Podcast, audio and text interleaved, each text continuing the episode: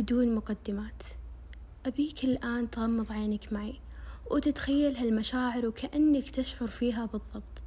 تخيل أنك بنفق مظلم مسدود من الجهتين والأمل معدوم عندك تماما أنك تخرج من هذا النفق. تبي تطلع من روحك بأي طريقة تتمنى أنك أي إنسان آخر غير نفسك. عندك رغبة قوية أنك تطلع من ذاتك لبعض الوقت لثانية واحدة على الأقل. اليأس يحوم حولك ومكتوم ومتضايق طوال الوقت وكأنك منتزع من واقعك. مو بقاعد تحس إلا أنك عالة على الكل وأنك بلا قيمة وفاشل. رأسك ثقيل حرارة شديدة بجسدك وكأن في نار في جوفك. عقلك مليء بالأفكار الانتحارية والغريبة. عقلك بينفجر. كل اللي تبيه هو أنك تتخلص من هالمشاعر أو تموت. هذا جزء بسيط جدا من شعور المكتئب. اليوم نتكلم عن الاكتئاب وأعراضه وكيف ممكن نساعد شخص مكتئب. أول شيء لازم كلنا نعرف أن الاكتئاب مرض زيها زي الأمراض الجسدية ناخذها على محمل الجد. الاكتئاب ما يشبه الحزن أبدا.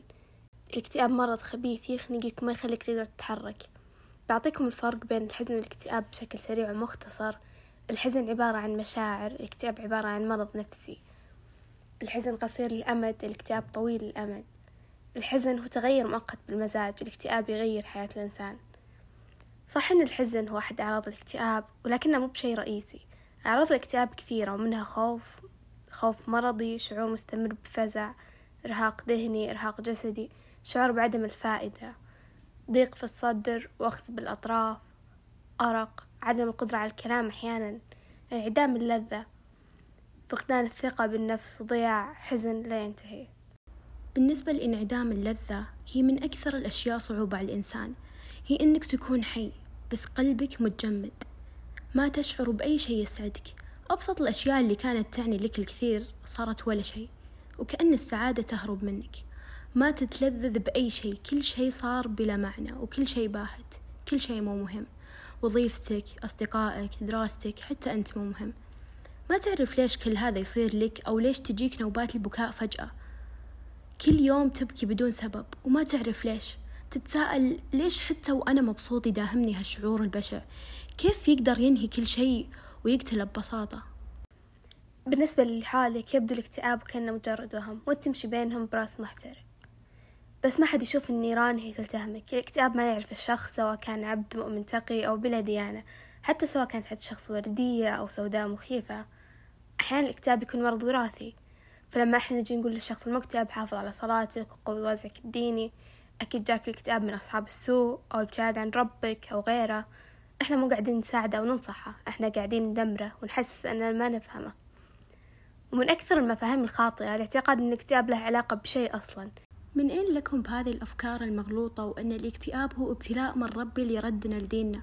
أي ابتلاء هذا اللي نقول عنه تذكير ويحطم المؤمن ويسلب إيمانه بالله وحسن ظنه به؟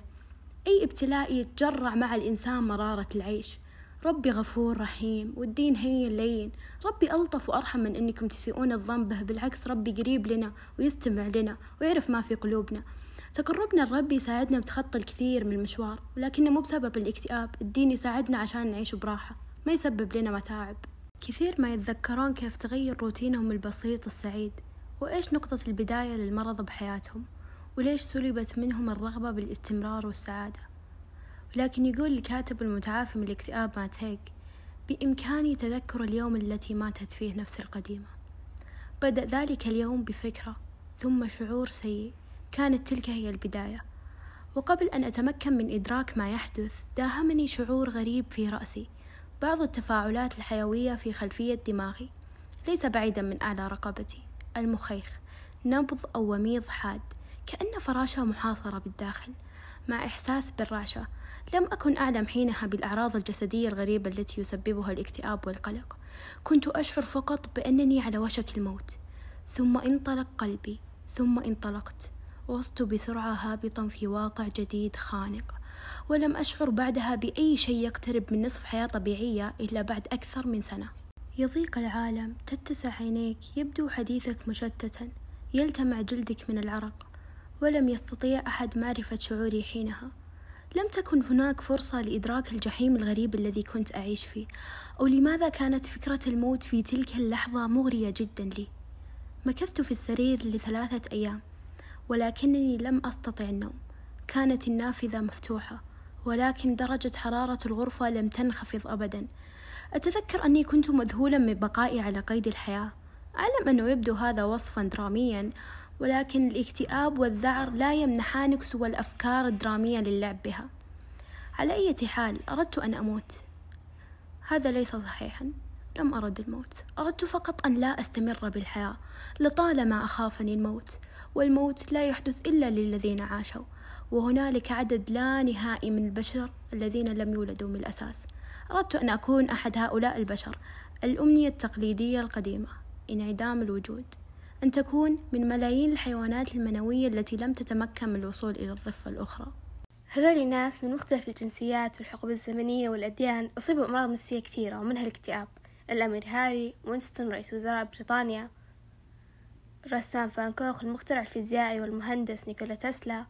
الشاعر والروائي الأمريكي جاك. المطربة المصرية شيرين عبد الوهاب. وحتى الإمام أبو حامد الغزالي اللي بلغ في العلم والشهرة والغنى حتى أنه في وقتها من شدة الثراء كان يلبس عباءة قيمتها 500 دينار تخيلوا. إلا أنه أصيب بالاكتئاب بعمر يقارب الأربعين تقريبا لدرجة أنه كره الطعام والشراب وأصابته سوداوية واغتمام وضعف جسمه وانعزل عن الناس والحياة وقتها.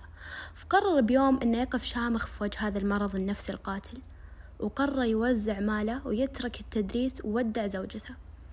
وذهب للحج في بيت الله. بعدها انطلق إلى دمشق. ارتاح هناك وكان هادئ وساكن النفس بعيد عن الضوضاء والشهرة والغنى. وقضى فيها أيام يسيرة واشتغل أشغال بسيطة. غير حياته وأسلوب العيش التقليدي كسر رداء الطبقية والغرور. بعدها تعافى أبو حامد الغزالي ورجع لزوجته وبناته. الأمر المبهر أنه جعل من هذه الصعوبات والعوائق والخوف والقلق جسور للنجاة.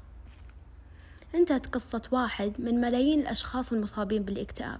ممكن إحنا ذكرنا مشاهير ومخترعين بس في غيرهم كثير مجهولين حولنا يحاربون المرض النفسي وحدهم. من أصعب الأشياء إنك تحارب المرض وحدك. حاول تتكلم وتعبر عن مشاعرك للناس اللي حولك. لازم نسمع المكتئب ونحس أننا نفهمه حتى لو كان ما يقدر يعبر. ومن أكثر الأشياء اللي مبهجتها المريض هو إنه يسمع نصيحة منك بشكل مباشر أو إنك تحسه بالضعف وإنه عبء على أحد. كل اللي بحاجته هو إنك تكون موجود. مرحلة الاكتئاب قد ما هي مؤلمة وشاقة إلا أنها مرحلة تحول ونضج الروح. تشبه مرحلة تحول الشرنقة إلى فراشة طائرة. هي مرحلة معاناة الروح لتتحول إلى روح أكثر شفافية وأكبر تأثير. ونستشهد بهذا الكلام كثير من المبدعين والفنانين اللي كانوا أشخاص بسيطين حتى عصفت بهم عواصف الاكتئاب فجاهدوا وحاولوا الابتعاد عن الوقوع في عين هذا الإعصار واختاروا أنهم يجعلون من نار مرضهم نار نضج لعقولهم الوقت يشفي الجروح والضوء ينتظر العابرين في آخر النفق حتى لو لم تتمكن من رؤيته الآن.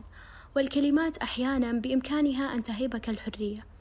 بنحط لكم تحت كتب ممكن تفيدكم وأرقام للمساعدة لا تتردد بطلب المساعدة أبدا. وتذكر أن في ناس موجودين عشانك وعشان يساعدونك دايم انتهت حلقتنا اليوم. نتمنى دائما لكم السعادة وأنكم تكونون بخير.